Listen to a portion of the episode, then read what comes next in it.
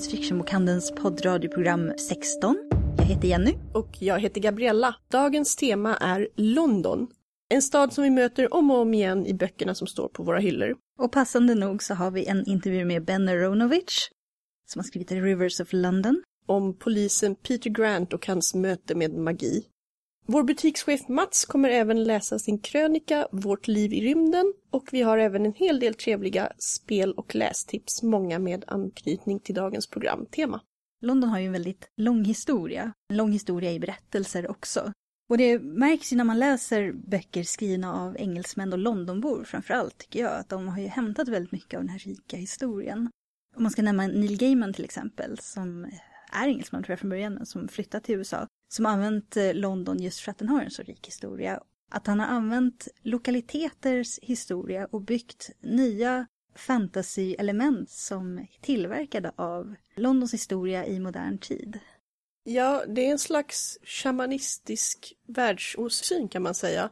Där man ger liv åt föremål efter den betydelse de får i vårt sinne. Och i många av de här London-betraktelserna, framförallt i Neverwhere tycker jag, så blir ju lokaltrafikens inflytande extra viktigt. De många smårikena som utgör den andra världen i Neverwhere har namn efter olika tunnelbanehållplatser men också betydelser som både har att göra med vad de har varit en gång i våran värld eller den faktiska betydelsen av ordet eller ibland om man vrider lite på det. Nightbridge var ju en fascinerande bit av, av berättelsen tyckte jag, jag gillade den verkligen jag tycker verkligen om hur han byggt upp berättelsen om hur huvudpersonen faller genom sprickorna, precis som alla andra i den världen mer eller mindre har gjort. Men hur ny han är inför allting och hur han verkligen inte förstår faran först. Och han tänker med Knightsbridge, det är väl, det är väl inget svårt att ta sig över där. Precis, det är bara en hållplats man åker förbi rent alldagligt på väg till jobbet.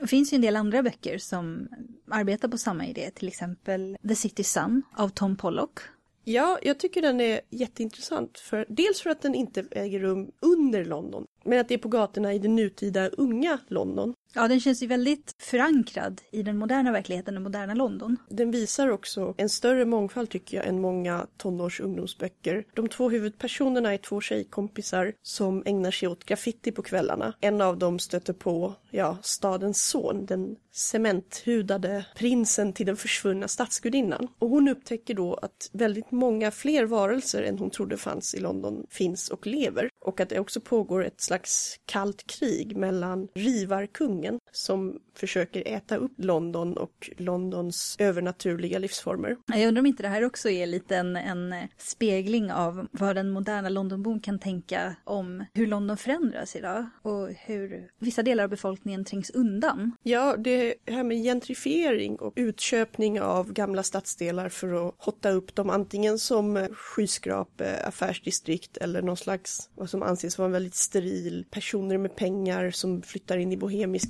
stadsdelar syndrom där fler och fler av de som brukar staden och inte har råd att bo i den. Det händer ju i väldigt många städer och London har drabbats av det här hårt länge och i flera omgångar om man tittar historiskt sett. Ja, i Stockholm är det ju en ganska ny företeelse. Men den har gått väldigt fort. Den har gått väldigt fort här. Gamla Knivsöder finns ju inte heller längre. Man läser gamla Stockholmsskildringar som inte är så himla gamla, kanske från 70-talet. Tänker på Huset i Sibirien och andra ungdomsklassiker som handlar om olika stadsdelar i stan som var fattiga så finns inte det längre. Staden blir liksom inte en, en spegling av befolkningen utan den blir mer som ett rikemansgetto. Det namn som dyker upp om och om igen som en slags symbol för den här företeelsen i London och som har en väldigt stor roll i Tom Pollocks The City Sun är Canary Wharf som jag tror att många Doctor Who-läsare känner igen. Det är ju det gamla Docklandsområdet, alltså hamnen, som har precis all den ruffighet och farlighet man kan tänka sig. Och jag misstänker att i varje Sherlock Holmes-berättelse där de hänger i opiumhålor så är de förmodligen där, även om det inte beskrivs så detaljerat. Men Docklands är höghusens och den här iskalla finansvärldens hem, ett av dem. Det finns också det, den klassiska finansdelen av London där de gamla bankerna har sina liksom, tegelborgar och liknande. Det är ingen slump att Russell T Davis valde att låta Torchwoods högkvarter ligga där som försöker utnyttja ett märkligt fenomen, vilket visar sig vara då en pågående Cyberman-invasion. Och sen går ju allt åt skogen och det blir en massaker. Hans symbolism är ibland lite övertydlig. Men den är i alla fall träffande. Ja, och den är inte alltid lika lätt att plocka upp som tv-tittare från Sverige heller. Nej. Jag insåg inte det här med vilken tyngd Canary Wharf-området verkar ha förrän jag mötte det igen och igen i flera böcker. Och det är där som rivningskungen, rivningsmonstret som försöker tugga i sig hela det levande London har sin liksom kärna i Tom Pollocks böcker. Som en liten extra rekommendation för den här bokserien som jag tycker var en av de bästa ungdoms-urban fantasy jag läst på sistone så kan jag nämna att huvudpersonens kompis också är en ung muslimsk tjej och får i bok två en egen berättelse som tar lika stor plats. Och att det dessutom inte är så enkelt som att flicka möter pojke och de blir kära och hela berättelsen handlar om det. Utan det finns även flickor som möter flickor och man glömmer aldrig handlingen, actionen. En tv-serie som är väldigt förankrad i London, det är ju, det är ju Sherlock Holmes, men jag tänker på nya Sherlock. Vi ska hålla oss i det moderna London ett tag till. Där har ju Stephen Moffat, författaren då, försökt förankra det i London på ett sånt sätt att London blir en väldigt stark del både handlingen och den känslan som tv-tittaren får när man tittar på den. Och jag tycker den lyckas väldigt bra på sätt och vis. Men samtidigt så känns det lite som den sista ansträngningen av att ha ett levande London som säger innan den har ätits upp av den här gentrifieringen. Och det finns fortfarande kvar men det här är en, liksom gamla Sherlock Holmes, det är en ganska romantiserad bild av moderna London. Det är ju väldigt intressant med just Sherlock Holmes också. Den litterära figur som flest personer tror har funnits på riktigt, som alltså aldrig har funnits, är ju just Sherlock Holmes som många brukar ranka, ja men han var väl ungefär samtida med Jack the Ripper, som å andra sidan nästan har tagit steget helt och hållet in i litteraturens värld. Mm. Att man inte alltid vet om han var på riktigt eller ej.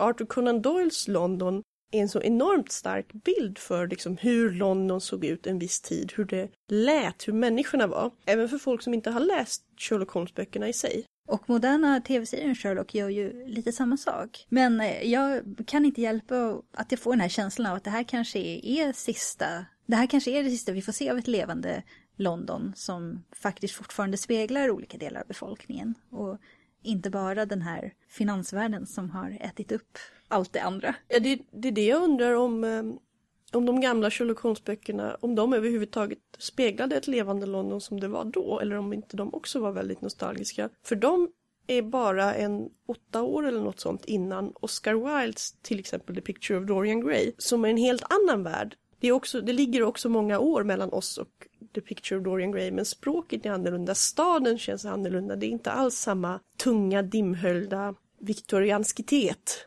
Jag tror att det, det kan ju ha att göra med eh, författarens bakgrund också. Vilken del av London har hon växt upp i? Det är ju som eh, Jane Austens böcker som är mycket tidigare och överhuvudtaget inte handlar om London för där åker de bara till Bath och roar sig. Trots att hon beskriver sin egen samtid, hon skriver ju om de personer, de personer som hon kände och de miljöer som hon rörde sig i, så kom ju böckerna ut senare än vad de faktiskt utspelar sig. Och jag kan tänka mig att det är samma sak med både eh, Oscar Wilde och eh, Arthur Conan Doyle. Men jag tycker också det visar hur gamla städer och jag ska säga historietäta städer där det har hänt mycket, att man kan leva i samma tid och uppleva den helt annorlunda. Och hur litteraturen kan spegla de många olika skeendena och många olika lagren av London som finns. Alla samtidigt, alla ihoptryckta i liksom ett aldrig när hela tiden. Och sen är ju sekelskiftets eh, slut på 1800-talet i London, det var ju en tid som, där allting förändrades väldigt, väldigt snabbt. Både teknologiskt och kulturellt. Precis som i våran tid nu. En författare som belyser en lite annan aspekt av London, nämligen den stora etniska mångfalden och som också använder sig av vad ska man säga, platsernas gudar men även klassisk magi är Ben Aronovich. Så ska vi ta och lyssna på intervjun med honom. We have with us Ben Aronovich. You've written five books so far. The first is called Rivers of London. Yes. And the whole series is called that. Rivers of London, yes. And the next one is called The Hanging Tree. The Hanging Tree. Yes. Sounds dramatic. Yes. Well, it, the Hanging Tree is because it's, it's named after um, the famous Tyburn gallows that was at Tyburn before it was, which is now a corner of Hyde Park. It's a very innocuous traffic roundabout, but um, it was originally they had a big and people would come down what is now Oxford Street, and they would be paraded from the prison down Oxford Street, and then they would be hung at Tyburn, and people would turn out, and it was a family day out, good family day out entertainment It's always good. Teach the kiddies a lesson. So will Tyburn have, have a big role in the next book? Tyburn has a big role in this, yes. Mm-hmm. Oh, of course. Although, uh, not in the way I think people think she's going to have. Hmm. I, I've noticed that I read some of the fan theories and, and what the book's going to be about, and I think, oh, I wish I'd thought of that, but unfortunately I didn't. So So people are going to be surprised. I think that I try and never do the obvious. So if you can predict it, and then I've probably tried to do something different because, but really I'm following the logic of the story that I, I understand it, and, and that's going to be different from the logic of the story as other Mm. people are, because I know things that they don't. But there are so many books where you can really just look at the first chapter and you know what's Well, I. I, this is an occupation. Even a writer, this is an occupation. I had, I watch TV and I go murderer. And you've written a lot of television too. I haven't written a lot of television. I've written some television, and Mm. quite a long time ago. and sometimes there's there's sort of a pattern that you recognize. Yes. Well, the thing is, is that television is, is quite a difficult art form. In that it, television is the art of doing things that's exactly like everything else, but different. That's and people say, "Oh, I prefer my channel," but really, people don't. People like their television to be like everything. You know, this is why it really drives television executives nuts because people like detective stories, right? They really, really, really like detective stories. And every so often, the kind of production, the people at the top of television companies go, "Oh no, I'm so sick of television detective stories." People come up with different stories, and I can tell you, you can always tell that happens at the BBC because um, the next year there will be a story about truckers. It's like inevitable. There will be a phase where they go, no more stories about uh, detectives, and there'll be one season about truckers, which no one will watch. And then the next season they go, oh fuck it, More detective detectives. stories, yeah. Mm. People like detective stories. Uh, You should give them what they want. That's what I say. Mm. I love detective stories. Yes, I, I, I, I cannot have too many detective stories. And people go, but they're all the same. No, but that's not, it's the variations. It's like, it's like, Mm. it's like the variations in the themes. But the variations can really make a huge Yes. difference, I think. And also, when reading Broken Homes, I was really, really surprised at what happened. I know. I knew that was going to cause a, sh- a stir. Um, I, I actually knew that was going to happen before I'd finished book one. Before we finished book one. Yeah, I, what Wow. happened was I, I was part of the way through book one and I realised what had happened. I can't do too much for the people who haven't read the other books, but I Let's realised- try to avoid spoilers as I, much I as realised possible. what had happened. So, and suddenly I saw the whole progression up to Broken Homes and beyond, and I and and- which is funny because I don't have that kind of like detailed future plan for any other character, only for that one character, and that's just because at that point I suddenly saw the whole way the story was going to play out. Mm. I suddenly went, oh, and I thought around book four I'm going to get letters. And it was, I, when the book came out, I sat in front of Twitter waiting for it to start. It was great. I could tell when people were beginning to finish reading it because they're suddenly, what? What? yes, that was my bastard." reaction. But I loved it. It was so. I mean, I love that sort of surprises when it really. It's, it's, I mean, it felt like a natural, you see, the thing is, I didn't do, I didn't think to myself, oh, I have to have a big shocking ending. It just, it just came out of the natural progression of the story. And when that happens and when you get an ending like that, it's the most beautiful thing in the entire world. For, as from a writing point of view, because you think this is really good and it's true. So it's true and beautiful. And that's not as often as, and it fits and it makes sense. And you think that's beautiful because you've got a wonderful kind of shocking ending, but it's not tacked on. It's not something you've suddenly gone, oh, I will do this to shock everyone. It's, and it's all built organically because it's part of the story. It's been part of the story from the start. And that's always a lovely thing. And when you sit there and go, and, and, and the audience likes that because they look back and go, oh my God, that's what that was about. Ah! when you have a twist ending, the best kind of twist in a piece of art is one where you suddenly look back and see how inevitable it all was and can't believe you didn't spot it coming a mile off, you see. And that's the best kind of background, but it's very hard to do on purpose. Mm. It nearly always is something that just comes naturally out, grows naturally out of the story. And it's so great when you reread the books and see everything Yes. that leads up to And it. I, I like I like doing that, and I like doing that when you reread, you know, because I'm a competitive rereader. Oh, You me go, too. Oh, that's what that was about. I like that, and sometimes people reread the books and they spot things I didn't know were in the books, and I go, "Ooh, I'm much cleverer than I thought I was," and make notes. So, will we see more of that story in the next book, or is Uh, that? Yeah, there's more of that story in the Hanging Tree. The, the, uh, has to say the next two books will will will be about, in one way or another, will have a big element of that storyline. You said you had hadn't planned the story in detail, but uh, do you have an ending in mind? Do you know What how for it's the whole ended? series? Yes. No. Do you know how long it's going to be? Uh, yes, it's never going to end. It's never so go- It's too late. You've started reading them, now you're going to have to read them forever and ever and ever. They're, I don't think of them as a series in that way. I think of them as a series in the same way that, say, Rebus is a series or Ed McBain's 87th Precinct novels are a series. They're a detective series. So if you have a detective series, you know, each book is a, a story and you don't think necessarily think it's not like a, a an epic fantasy novel where you have a beginning, a middle, and then you're building up to something and it completes. There are there are subplots and sub arcs just as there are in real life. But the thing about detectives is they don't change very much. Detectives don't have character development. It's, it's a difficult concept for a lot of people. But detective, if you look at Morse, he's the same guy at the beginning as, as he is at the end. And Marple and everyone, nearly all detectives, even ones that you think are changing, are actually pretty much the same person. But I think Peter is a great character. I, I was really attached to him when I was reading, and uh, Well, I so think. I, uh, uh, how did you come up with him? he just arrived to be honest i i i was you know i had a it's it's a bit like um when governments put a specification out for a fighter aircraft or something and they say i wanted to go so fast and i wanted to do this and it has to do this in the plot i had kind of had that specification for what the hole in the story uh, and uh, basically characters were sort of auditioning for it, and then suddenly he just turned up. The whole I knew, knew everything about him, his character, his mum, his dad, his background, where he went to school. He just sort of popped up into my head, and I thought, hurrah, you know. So, and and he was great, and he had the what you see. I wrote the line. Um, my name is Peter Grant, and I'm a member of that mighty army for justice known as the Metropolitan Police. They're all right-thinking people, and the filth to everyone else. And I knew, and from that one line, I just knew everything about. I knew his cheeky sense of humour, his kind of like uh, the fact that his sentences go on forever without breaks. I love that. Just I just sit there because like my I was trained to write short sentences, and he won't bloody talk in short sentences. He's always sticking in subordinate clauses. So my instinct is always to kind of like shorten the sentence, and he always goes, "No, no, no, I want to add another clause." It's like so I'm going to comma go. No, where does the bloody comma go? I, which how many subordinate clauses do I have in this sentence anyway? And I'm sitting there. In the end, I just give up, and I have a friend go through my sentences to make sure that the commas are in the right place. Because I, I'm one of those people. I just put a comma where a breath goes. Okay, which apparently is bad, and you're not supposed to do that. But I have a, Really? I have a, I have a grammar Nazi friend, and so he he goes through my work. And there's plenty of grammar Nazis who say he doesn't do his job properly already. So I also found Peter's background really interesting and his family situation and the way that he seems so, in a way, emotionally repressed in his well, reactions. he is and- English. I mean.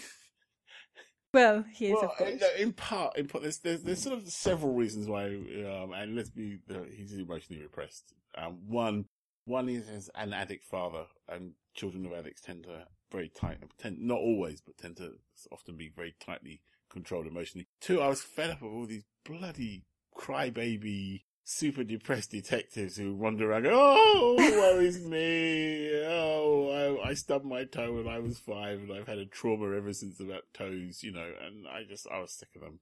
So I wanted someone with um, what in the old days would be called moral fiber.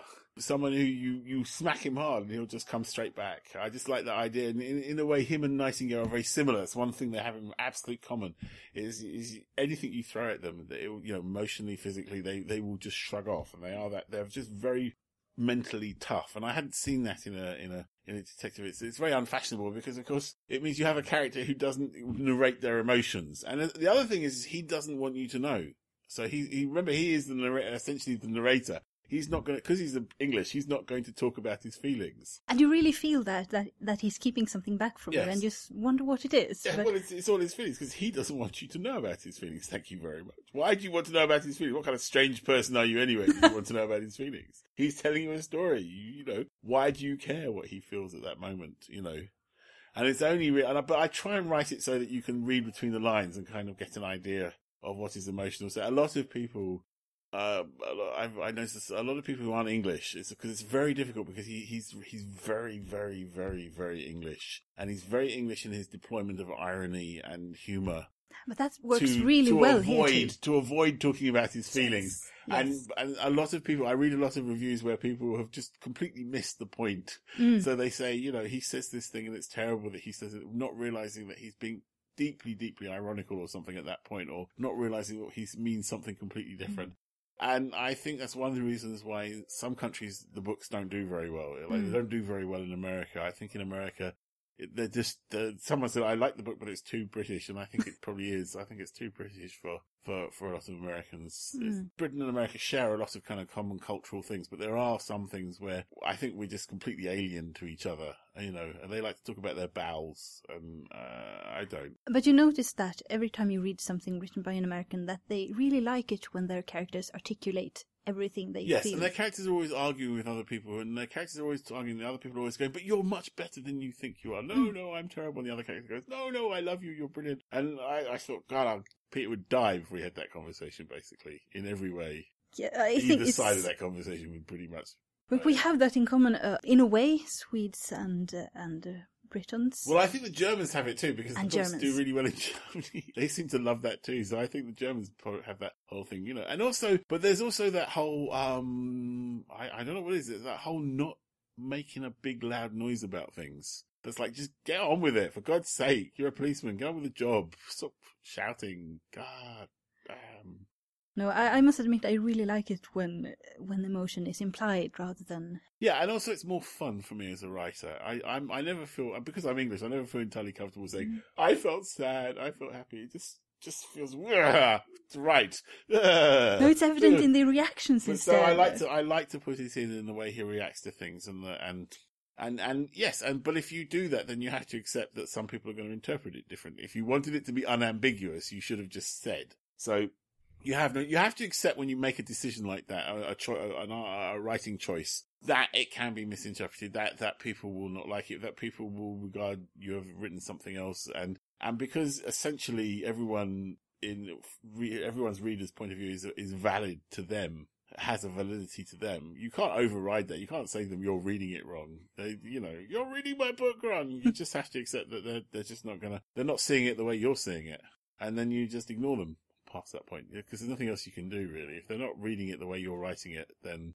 But I also think that it's it's really nice to be able to uh, read about someone who is really British and uh, sort of get a, a bit of an understanding of how a, a British person uh, would think and feel. Yeah, well, he's very specifically London. He shares a lot of common with a lot of other British people, but he's very London. He's not as gloomy as if he was from Newcastle or somewhere. And London is also a very big character in the books. Yes. And I've never been there, but it's still so exciting to read about all the places. I, I like London. I mean, I love London. It's my city. I mean, so I grew up there. And so it never occurred to me to write about anywhere else, really. So people say, oh, why did you choose London? Like, I was going to set it in Birmingham because I don't know anything about Birmingham. So it would have been silly to set it in Birmingham since I know nothing about Birmingham whatsoever. You, you know, I knew lots about London. So I, I set it in London and I love my city. You know, if I was, um, from a small village in the Lake District, you see, no one would question the fact that all my books were set in small villages in the Lake District because for some reason if you if you're from London people always feel that like you chose to be born there. Like why did you choose to be born in London?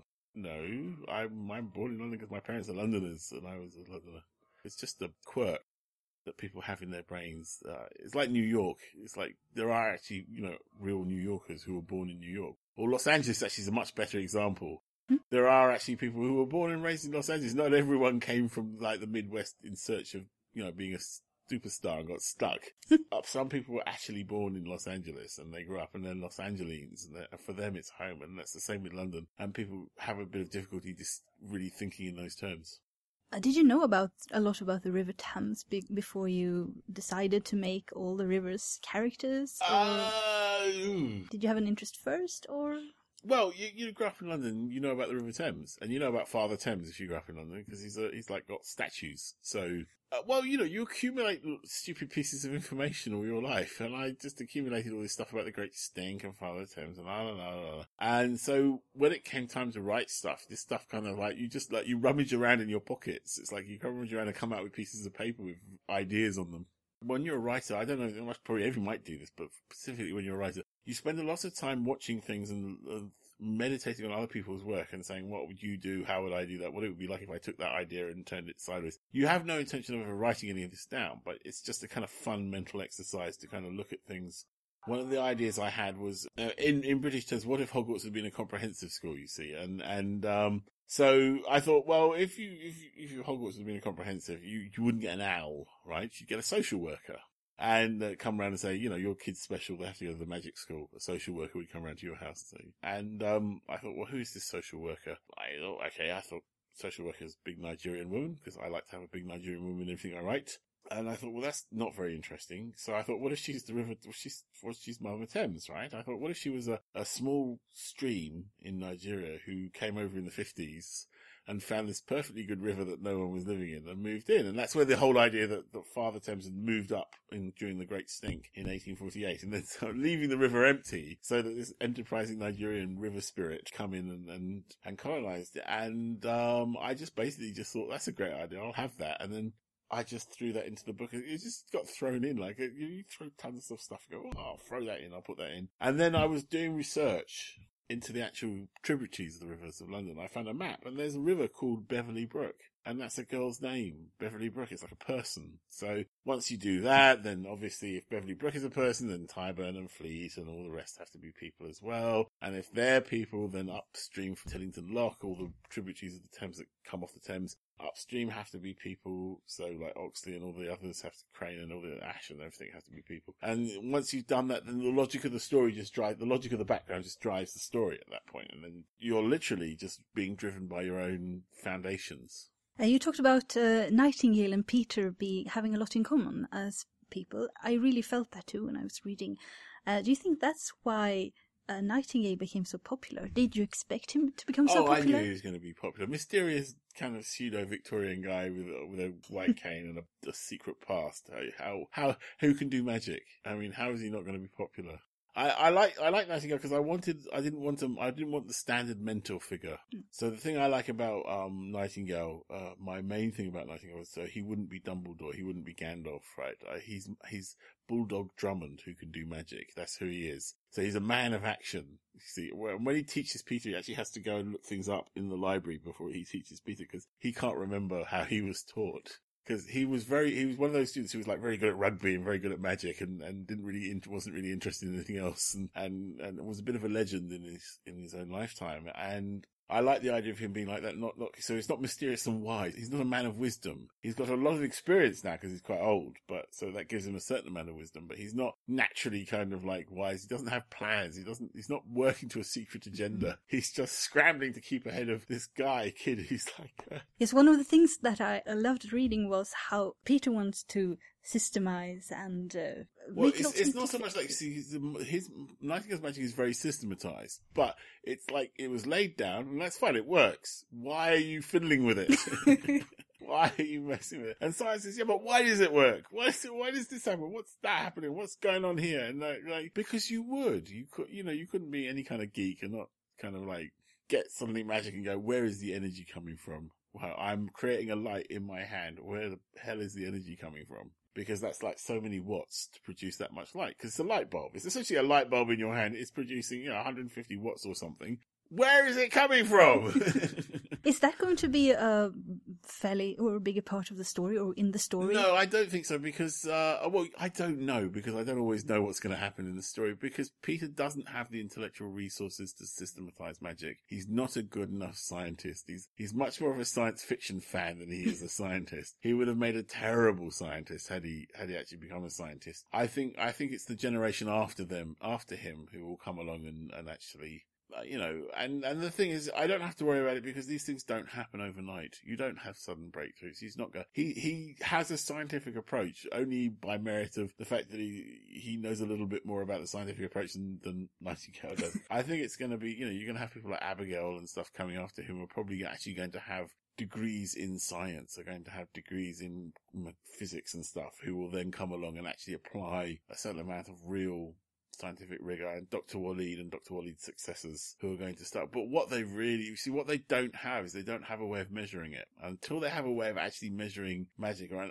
or even a basic theory as how it works. They don't even have a basic theory of how it works. So they don't have anything. They're basically at the Newtonian, literally at the Newtonian stage of physics where we know the sun attracts the world and that's how we get an orbit, but we don't know why. See, as far as Newton was concerned, that was the love of God. The love of God was why the Earth went round the moon. The moon went around the Earth and the Earth went around the sun, right? Action at a distance, which was a very radical idea for when Newton was around. It was a, a magic idea. The idea that an object from a distance could, over with no attachments, affect another object. It was just inconvertible. That's what's happening if you looked at the orbits. That must be what's happening. And they're at that stage, you see, whereas we're, we, we've got quite a sophisticated understanding of subatomic particles. It's not brilliant, but we have a, like, a rough idea. We have a rough idea of, you know, curved space and gravity is caused by the curvature of time and space and stuff like that. And you have people like Hawking being incomprehensible and, and um, but they're not even they're not even close to that. They don't have that for magic, and so therefore they're a long way from kind of really systematizing magic. I think, you know, you're talking 30 to 40 years before they even get close to a unified kind of magical theory. They're looking for something that will close the gap between magic and conventional physics, you see, and they're, they're not even in the, they're not in the same room yet. So it just feels like uh, Peter set something in motion. Yes, he has set something in motion. He will go down as the, uh, poor Peter will go down as the guy, guy who started it all. Everyone will blame Peter. Uh, will we be seeing uh, Peter and Nightingale uh, working together more in future books? I the thing is, Nightingale he's so powerful that you he's, he's, yeah. your problem in a book is is like, and then Nightingale came around and solved all their problems. the end. okay, that's a short book. So um, I don't really think so, but in in a way, I'm mirroring the way police actually work. Your inspectors don't get involved in the day to day that's not their job. Detective inspectors don't get in, involved in the day to day cases. That's what they have detective constables for, to go out and do all the legwork and do all the things. So I think, um, the, more magic is creeping into the stories, inevitably as Peter gets more and more trained. I think once Peter starts approaching a sort of more of a parity with Nightingale, I think there might be more stories with Nightingale. Mm, I'm looking forward to that. But, you know, uh, I like to keep, I like, but a, a, little bit of Nightingale goes a long way, you see, uh, so I don't want to waste him. So I like to sprinkle him rather than spoon him in with a big spoon. so will we will we see Peter get apprentices in the future? Maybe I don't know. I don't think that far ahead, to be honest. I mean, he's he's what still about seven years shy of of uh, ending his own apprenticeship. I, I think something, I, something seems to be building, but as to what it is, I can't actually, I don't actually know yet. It's building around the idea of, of schools and, and training and stuff for young people. And there's the, this whole part about people start talking about that magic can't remain hidden that much longer, uh, especially after broken homes. That magic might be creeping into regular society a bit more. Uh, that's a, sort of a logical extension of the story. If you think about it, up until Peter comes along, there wasn't that magic, there wasn't that many cases. And, but of course I'm writing a book series. And so there are now lots of cases because I'm writing a book series. So there must be a lot more kind of stuff going on. If there's a lot more stuff going on, the chances of nobody noticing it particularly. Again, you know, if you think about it, the police has always had a kind of like, well, it happens, but we try to not talk about it. But it's, it's beginning to intrude. Like, you know, things are falling down, things are blowing up. Children are being snatched by, by fairies. You know, it's like, it's getting a little bit, and so part of this is always about like Tyburn would like there to be an actual official above board thing. But if you think about it, can you imagine what happened? Like you imagine, you got to think globally. If Britain suddenly said, actually magic is real, right?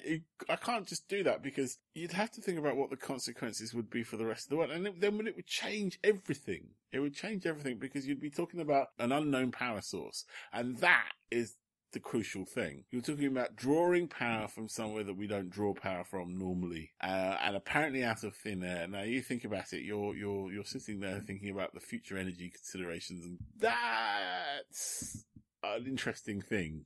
But uh, how about other countries and other cultures? Might they also have well, that's yeah, but that's the thing. So, so you got to think about would they respond? The trouble is, there's so much research involved. You can't just go and then like there's the Russian version of the folly. Is it the Russian version? Would it be different? Would the German mm. version of the folly be different?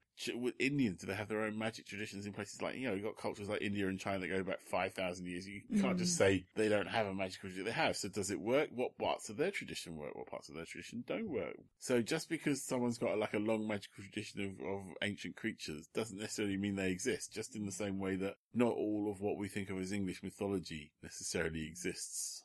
There is a Father Thames, but there are river spirits. River spirits are one of the great universal things. Every culture, as far as I know, has the idea of, of spirits of place. It's called animism. It's uh, the idea that inanimate objects have spirits is a very, very, so I'm, i was quite comfortable with that because it's when you get into kind of specific part of it you say, well, these are the, the, the, sparks that cause some of these legends. Some of it is we have then imposed our legends on something else because we interpret it a certain way through the cultural filters of our thing. Mm. And some of it's like, some of it doesn't exist.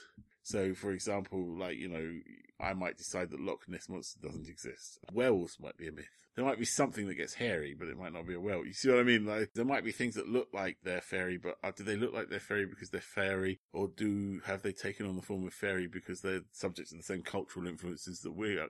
There's a, a character called Reynard who in in Hanging Tree kind of has got a role in the Hanging Tree, and Peter asks, uh, "Is he Reynard the Fox, as in the 14th century terrible trickster figure who kills things, a horrible person, psychopath, cheerful psychopath, as Peter calls it, or is he a guy who thinks he's Reynard the Fox, or is he a guy who would be a bit like Reynard the Fox, who's decided to take on Reynard the Fox because it suits his purposes?" And Nightingale says, "Your guess is as good as mine." And so we, you know, it's ambiguous, and I like to keep that ambiguous because it gives you wriggle room. But also, the world is like that. We know you don't get big simple answers in real life. Why would you get big simple answers in magic? So people, I, you know, I wanted magic to be complicated and difficult and and and and surprising.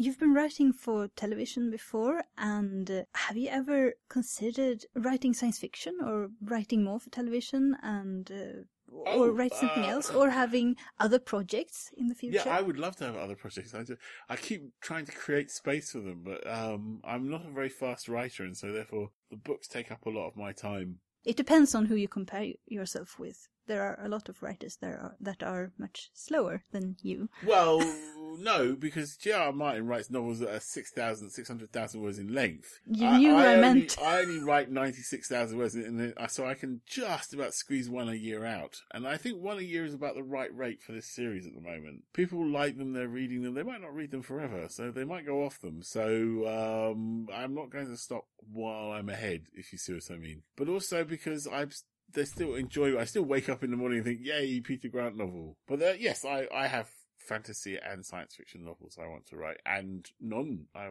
what they call uh, what I call um, literary fiction novel. I got a literary fiction novel. It's deliberately a literary fiction novel. I would like to write television. I'd like to. Co- I do the comics. The comics are, are fun. The comics are a lot of fun because it's the easiest writing you can possibly do. Comics because in the first instance, you only write to one audience, which is the artist. So you don't have to please anyone except the artist, and then he does all the work. So it's great. And are the comics part of the story? Are they yeah, the comics, the comics are, are separate stories, and they are canon. In case anyone's asking, canon, canon, canon. They're designed to to be canon. I actually, they're, they're, I know they're canon because they're on the, they're on my whiteboard. Oh, Let's see, I have a, I have a, I suddenly realized I was losing track of everything, so I got a, got a whiteboard installed and I have all the comics and when they take place and what time of year, because the artist was saying things like, what time of year does this take place? I was uh, damn, I can't remember. So I, I had to put everything on a whiteboard to work out when all the stories take place. So they, they, they all take place. So if things that happen in the comics have happened in the world of Peter Grant and will be referenced occasionally for fun, but not too much because that would be not fair on people who haven't read the comics. Finally, uh, about the hanging tree. Is there something you can tell us about it? You know, in every book, there's a line that goes, fuck me, something, something, something. The, the line in the hanging tree is, uh, fuck me, she's weaponized her iPhone. Oh!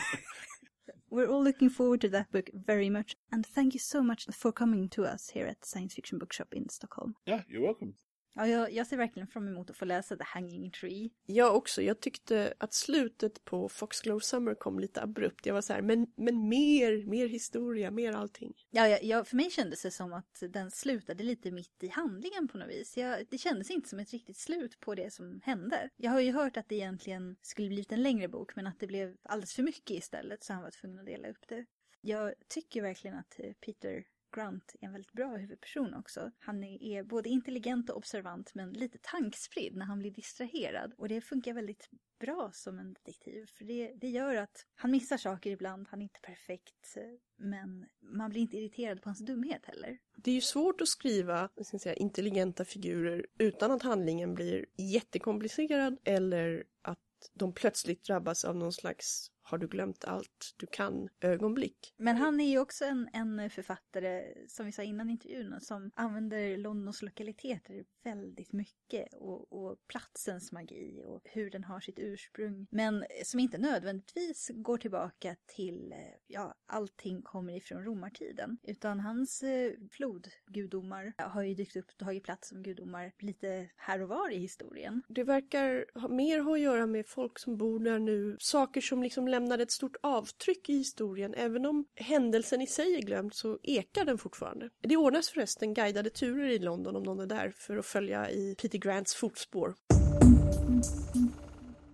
Ett väldigt, väldigt bra verk med mycket fantasi och kärlek är Sidney Paduas The Thrilling Adventures of Lovelace and Babbage som också handlar främst om datorer men en viss del också om London och historia. Och jag skulle säga att ungefär hälften är serier och resten är fotnoter till serierna fulla av citat från eh, brev och böcker och de här är helt hysteriska. Alltså Ada Lovelace och Charles Babbage var ju pionjärer inom dataforskningen som tyvärr aldrig lyckades bygga sin analytical Engine, vilket skulle bli då den stora uppföljaren till The Difference Engine som Babbage inte riktigt heller fick att funka typ. Men eh, Padua låter allting hända i en liten sidouniversum där tiden går i cirklar och står still men samtidigt lyckas lite bättre och Ada Lovelace också inte dör så ung. Så det är alltså lite smart humor. Det är väldigt smart humor. Jag tror att om man kan programmera och kan mer om datorer så blir det alltså ännu roligare. Lite som webbserien XKCD, det här började också som en webbserie som är väldigt kul. Men ibland är jag bara så här, ja, jag kan inte tillräckligt mycket matematik för att riktigt förstå kärnan i det här skämtet. I alla fall, den är väldigt vältecknad, väldigt rolig. Och alltså många av de roligaste skämten är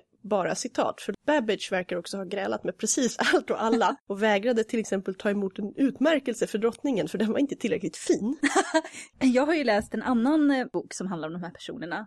The Difference Engine heter den faktiskt. Av eh, William Gibson och Bruce Sterling. En, en fotnot till din kommentar var att tydligen hatade Babbage att alla kallade hans planerade dator, the difference engine, för det gjorde man redan på den tiden för folk bara, men the analytical engine låter ju inte lika coolt. Nej, det gör ju inte det tyvärr, men och här har, vi, här har de döpt en hel bok till the difference engine. Han hade inte blivit glad, tror jag. Jag tror inte det. Men den, den boken, det här är inte de första steampunk-romanerna, den är en föregångare kan man säga till nästan all steampunk som kom senare. Men den är också ganska deprimerande, den är inte glad och den är inte humoristisk. Det är det här klassiska dimhöljda London men det är för att det är fullt med föroreningar. Och en det var det ju också. Ja, det var det ju också. Men här beskrivs det verkligen. En del av berättelsen. När folk flyr London för att den stora stanken kommer. Och det går knappt att vistas där. Slutet har lite um, känsla av Philip K. Dick-flum.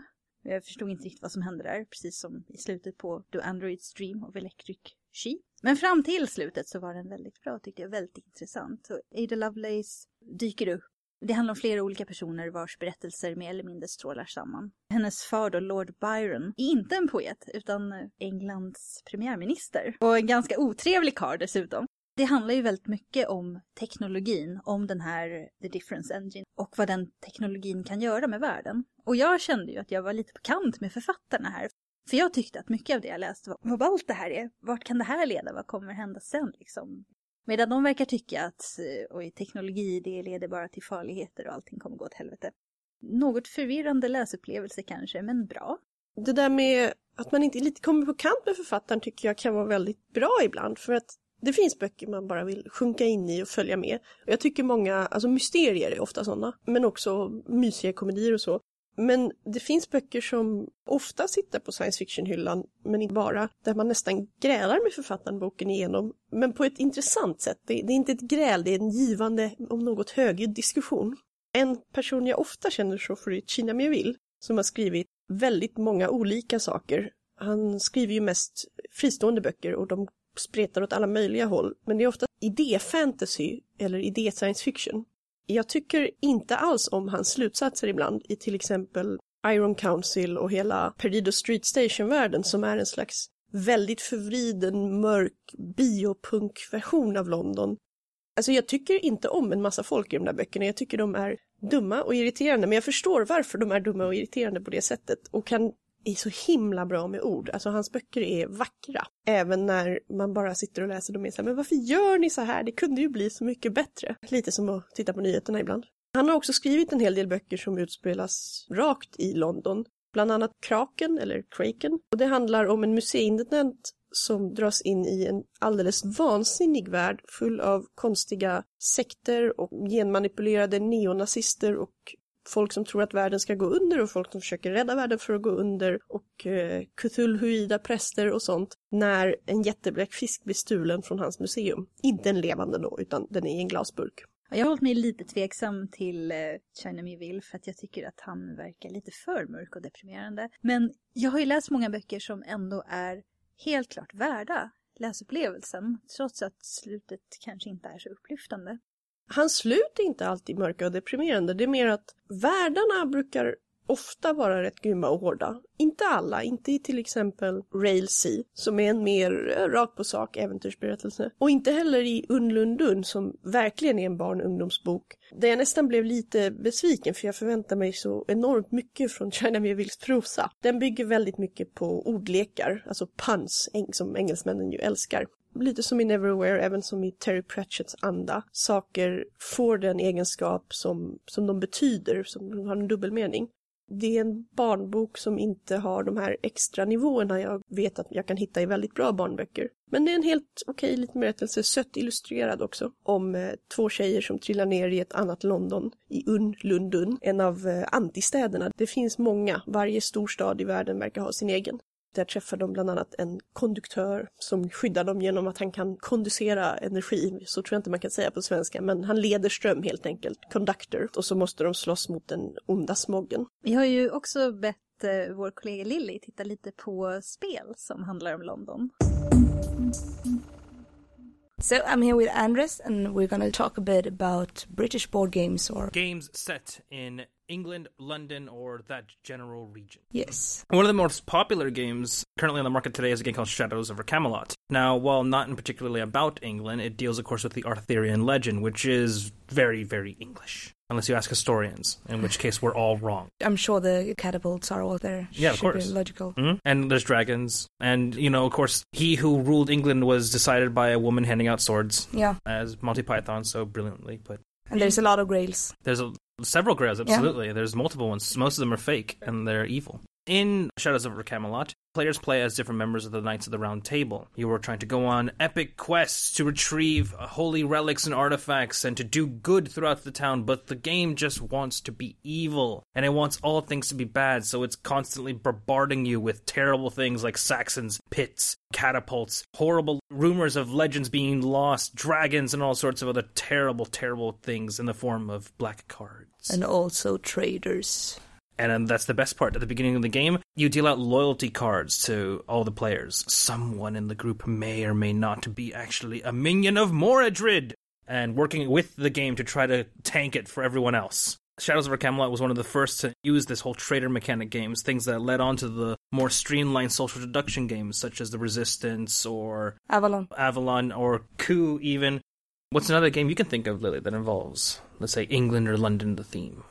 The first thing that comes to mind is of Whitechapel. That one is based on Scotland Yard, isn't it? Oh yeah. Uh, well, uh, Scotland Yard came out in 1983, and it's you know still selling very well to this day. Scotland Yard is the first game to introduce the hidden movement mechanic. Now, what this means is one player is more or less playing a game of hide and seek with the others. They're marking their movement throughout the board in a secret manner, either by numbers or by cards or tiles or something else. And the other players are more or less trying to find them. In Scotland Yard, one player is Mr. X, who, depending on the version of the game, is either a jewel thief, a bank robber, or a criminal mastermind and they're going throughout London committing, you know, naughty things as as they, as they might say. And he's taking the British subways and the underground to try to move around and to influence bad things like pickpocketing. And the other players play as constables with, you know, funny hats running around the city trying to find Mr. X. It's a game that I played semi recently even a couple months ago or something. And it's still going strong even though it's you know very old mechanic. And i think in the 80s was kind of meant to try to teach kids about you know the british railway system and you know where to find things and whatnot. Ended up being slightly educational but actually fun. Now that letters from whitechapel kind of you know owes a bit of debt to it because it uses that hidden mechanic but removes everything else except for just clues and deduction makes it a completely logic based game and it uses the whitechapel murders of 1888 to set the grim scene of there is a killer amongst these streets and we must catch him before he kills again.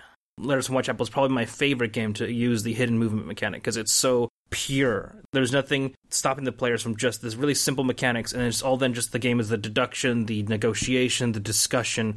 Mr. Jack is another like social deduction or slightly puzzle like game. One player plays as Jack the Ripper, the other player plays as Sherlock Holmes. Jack the Ripper's identity is kept secret at the beginning of the game, and there are several different characters on the board. Now, Jack's only real job is to escape the board. Sherlock is then trying to investigate and make clues as to who is doing what. Now, if Sherlock has line of sight on Jack, Jack can't move. So the player playing Jack kind of has to play this almost like puzzle like game of moving and manipulating certain people to then try to get Sherlock's attention to move over here so this other piece can move over there and so on and so forth. It's a fantastic little two player game that offers a lot of like replayability and a lot of like good back and forth kind of thoughts and strategy. The games we've been talking about so far involves semi-cooperative, a lot of people against one person. Yeah, so far actually. They've basically been fairly semi cooperative or straight up competitive. Everyone team up on this player. And usually the one on the evil team is a bit overpowered. Is that true in these games as well? Well, I don't think I've ever played a game of Scotland Yard where Mr. X won, but I know for a fact I've played games of Letters from Whitechapel where I've won as Jack. Maybe it's just me being better at that style of game getting older, or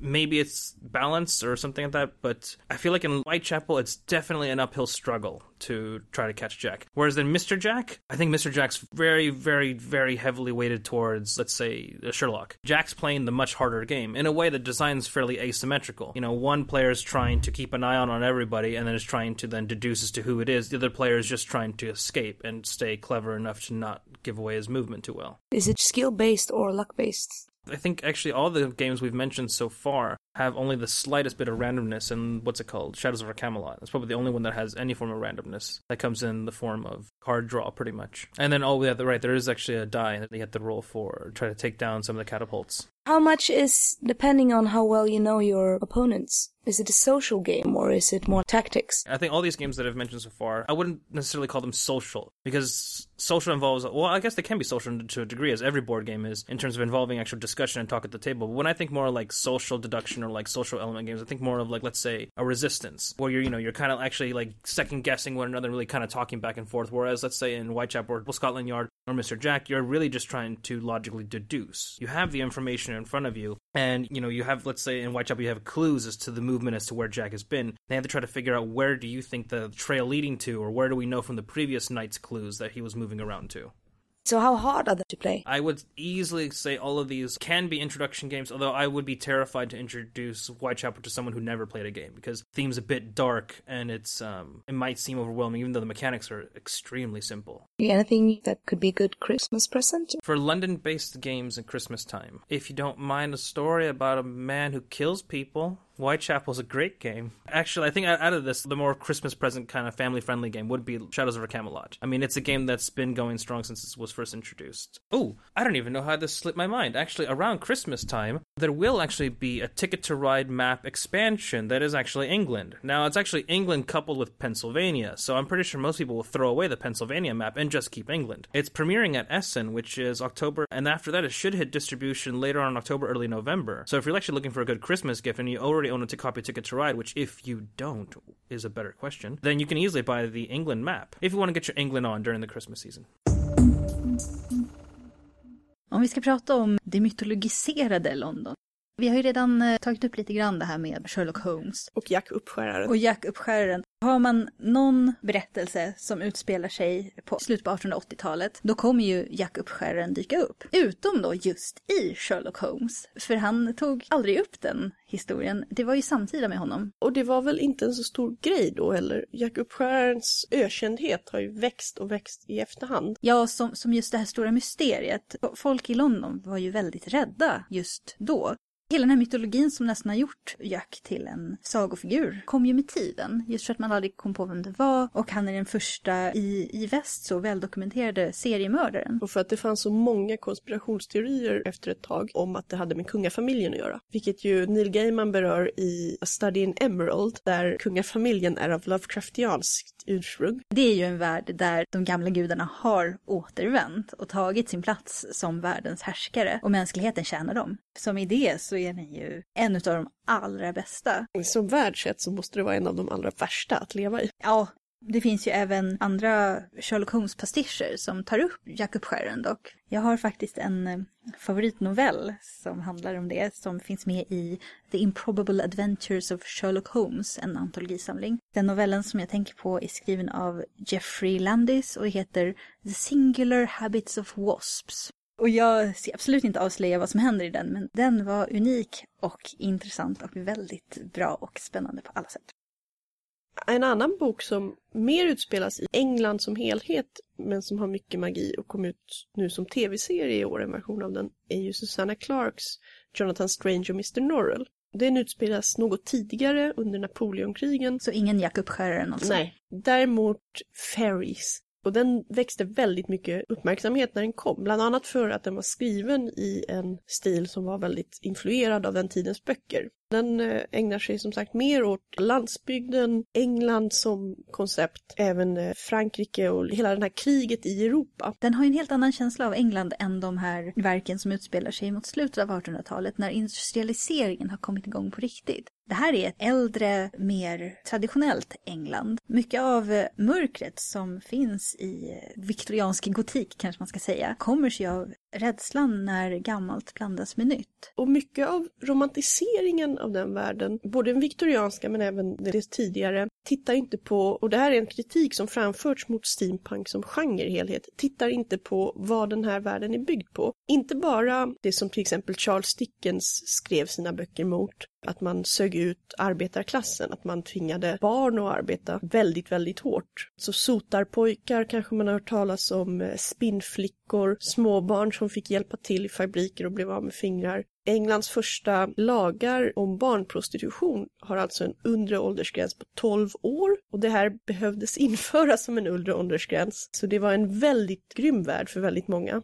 Sen Cho som har skrivit en jättefin liten romantisk och lättsmält berättelse som heter Sorcerer to the Crown påpekar i flera intervjuer där hon diskuterar det här. När man inte hur England och hur London som stad har formats av kolonialism och imperialism. Man sög ju inte bara ut sin egen fattiga befolkning utan halva världens Imperiet där solen aldrig går ner vilar på väldigt mycket blod. Zhen Cho som är en kinesisk-malaysisk författare som numera bor i England har skrivit då både en hel del noveller som mottogs med väldigt stor uppmärksamhet när de först kom och sen har hon då skrivit Regency Romance Pastiche, Sorcerer to the Crown. Det finns magiker precis som i Susanna Clarks värld. Det finns ett Society of Natural Philosophy och alla är väldigt propra och det är en liten kärlekshistoria. Men huvudpersonen är född som slav och han köptes, eller vad man ska säga, han räddades av sina vita adoptivföräldrar. Men de brydde sig inte om att rädda hans föräldrar, för de hade ingen magisk färdighet.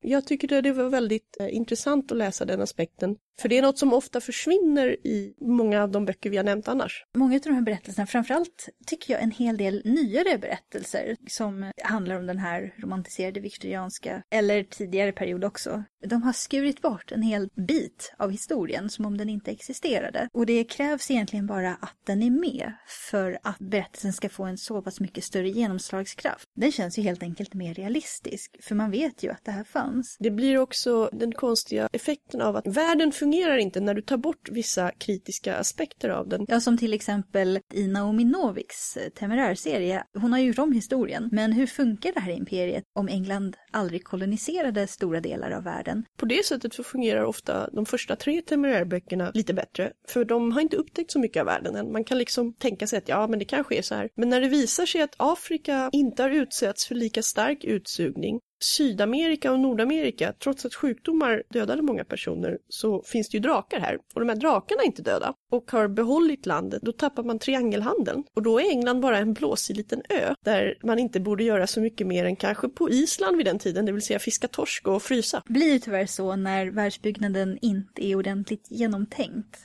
Hon har påbörjat världsbyggnaden på 1800-talet, hon har inte tänkt tillbaka i historien och tänkt igenom vad som egentligen borde ha hänt om drakar har funnits genom hela den här biten.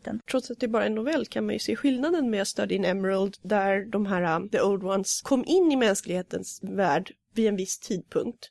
De hängt på sig några mänskliga attribut för att förtrycka och styra alla och suga ut deras hjärnor sådär som de gör. Ja. Det finns folk som, som tänker ett steg till och gör intressanta grejer med det.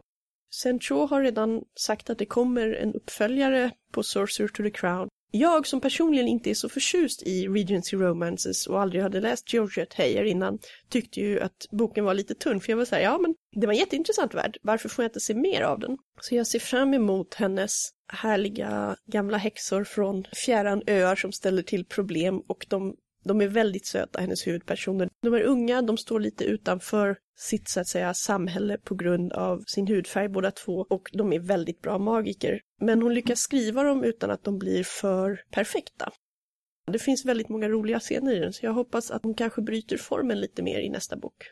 Jag blir alltid glad ändå när jag ser böcker som gör intressanta saker även om det inte är genrer jag föredrar. Ju mer olika perspektiv man har desto mer kan ju författare också påverka varandra.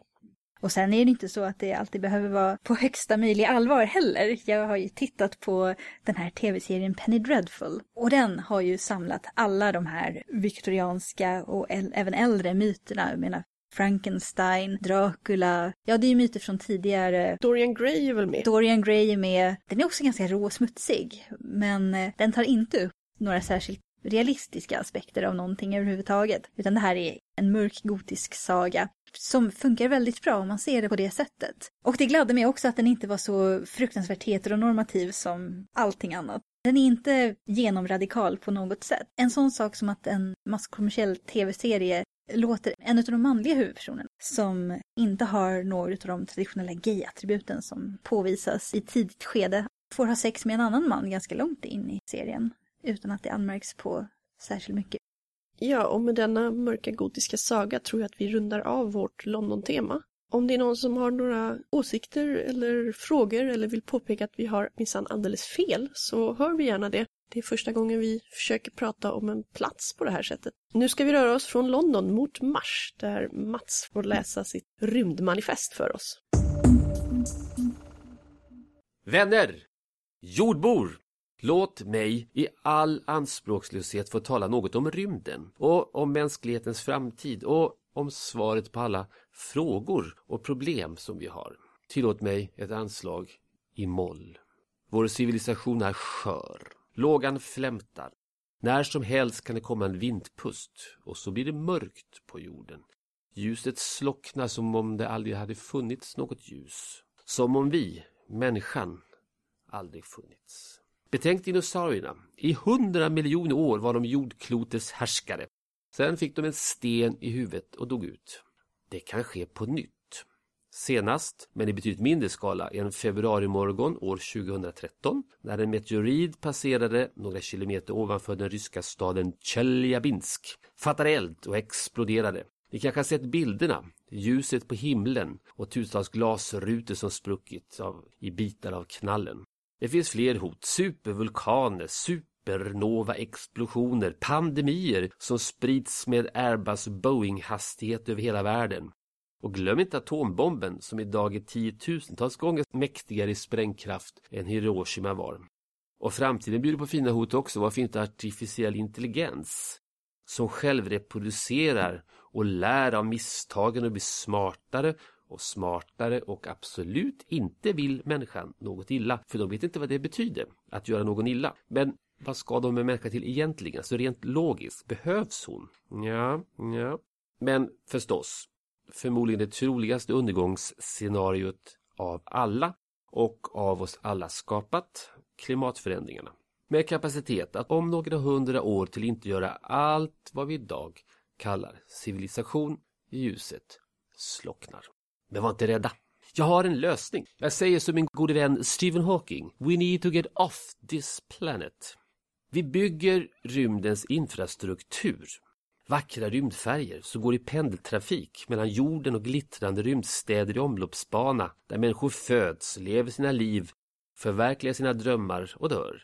Vi terraformar planeten Mars, asteroiderna, hela solsystemet. Vi förändrar oss själva. Vi tar makten över vår egen biologi och tackar evolutionen för vad som varit, men nu klarar vi oss själva. Vi blir mer än människa, förbättrar våra kroppar och hjärnor så att vi kan leva på dessa främmande världar, Jupiters måne, Europa, asteroiderna, Triton och en dag stjärnorna. Hur? Kanske någon undrar. Svaret är överraskande politiskt. Alltså, vi kan inte sitta still här och tro att marknaden eller FN eller entreprenörer kommer rädda oss från undergången. Men politik, vi bildar ett parti, ett politiskt parti, Marspartiet, och ställer upp i riksdagsvalet. Nästa riksdagsval, valspråk, för Sverige i rymden. Partisymbol en rymdraket och inte någon fånig blomma. Vad ska partiet göra? Se till att alla politiska beslut gagnar saken. Vi måste bort från den här planeten. Ett konkret exempel. JAS Gripen. Detta flygplan kommer kosta oss skattebetalare typ 100 miljarder de 20 närmaste åren. Vad får vi för det? Ett flygplan som är väldigt bra på att skjuta och bomba. Förutsatt att inte påsk eller någon annan helg och alla piloter har långledigt. Marspartiets vision däremot är att vi måste produktutveckla det här lite. Vad ska Gripen flyga liksom i atmosfären? Gripen kan väl lika gärna flyga ut i rymden? Det är ju självklart. Och i rymden finns dessutom inga krig. Och vem har hur som helst råd med krig när jorden är på väg mot undergången? Vi satsar alltså alla pengar på rymden och får fred på jorden på köpet. En filosofisk infallsvinkel. Marspartiet är av naturen teknikoptimistiskt. Men vi blundar inte för att medan teknik och vetenskap rusar framåt så är vår moral och ideologi och religion oftast kvar i det förgångna. Och när det kommer till hur vi är som sociala varelser och på individnivå, där härskar evolutionen fortfarande. Och det där måste prägla partiets visioner. Ytterligare ett konkret exempel. Planeten Mars kan liknas vid en utopi, men inte i ordets ursprungliga bemärkelse eller grekiska betydelse som är ingen plats. Ety Mars är ju i högsta grad en verklig plats. Så låt oss tänka utopiskt när vi tänker på Mars. Men då inte i gamla traditionella utopier där knappast någon av oss vill leva. Vare det Platons staten, Thomas Moores Utopia, Disneys ekpat-stad kanske? Eller gosa med lejon och lamm i Jehovas vittnes tusenårsrike? Nej, Mars, det är en hel värld. Utan nationer, utan ideologier, utan religioner. Bortsett från det vi en dag kommer ta med oss dit förstås. Men låt oss då tänka stort och fritt. Låt oss överge Javé, Gud och Allah och alla de andra gudarna, eller åtminstone anpassa dem till en ny värld, en ny tid och en ny människa. Liksom socialism, liberalism eller vad ni vill. En ny värld kräver en ny ism. Och glöm inte att låta filosoferna ta fram nya tidens moralfilosofiska visioner om vad som är rätt och fel, ont och gott. För varelser som kommer att vara mer än människa. Men glöm inte, störst av allt är kärleken.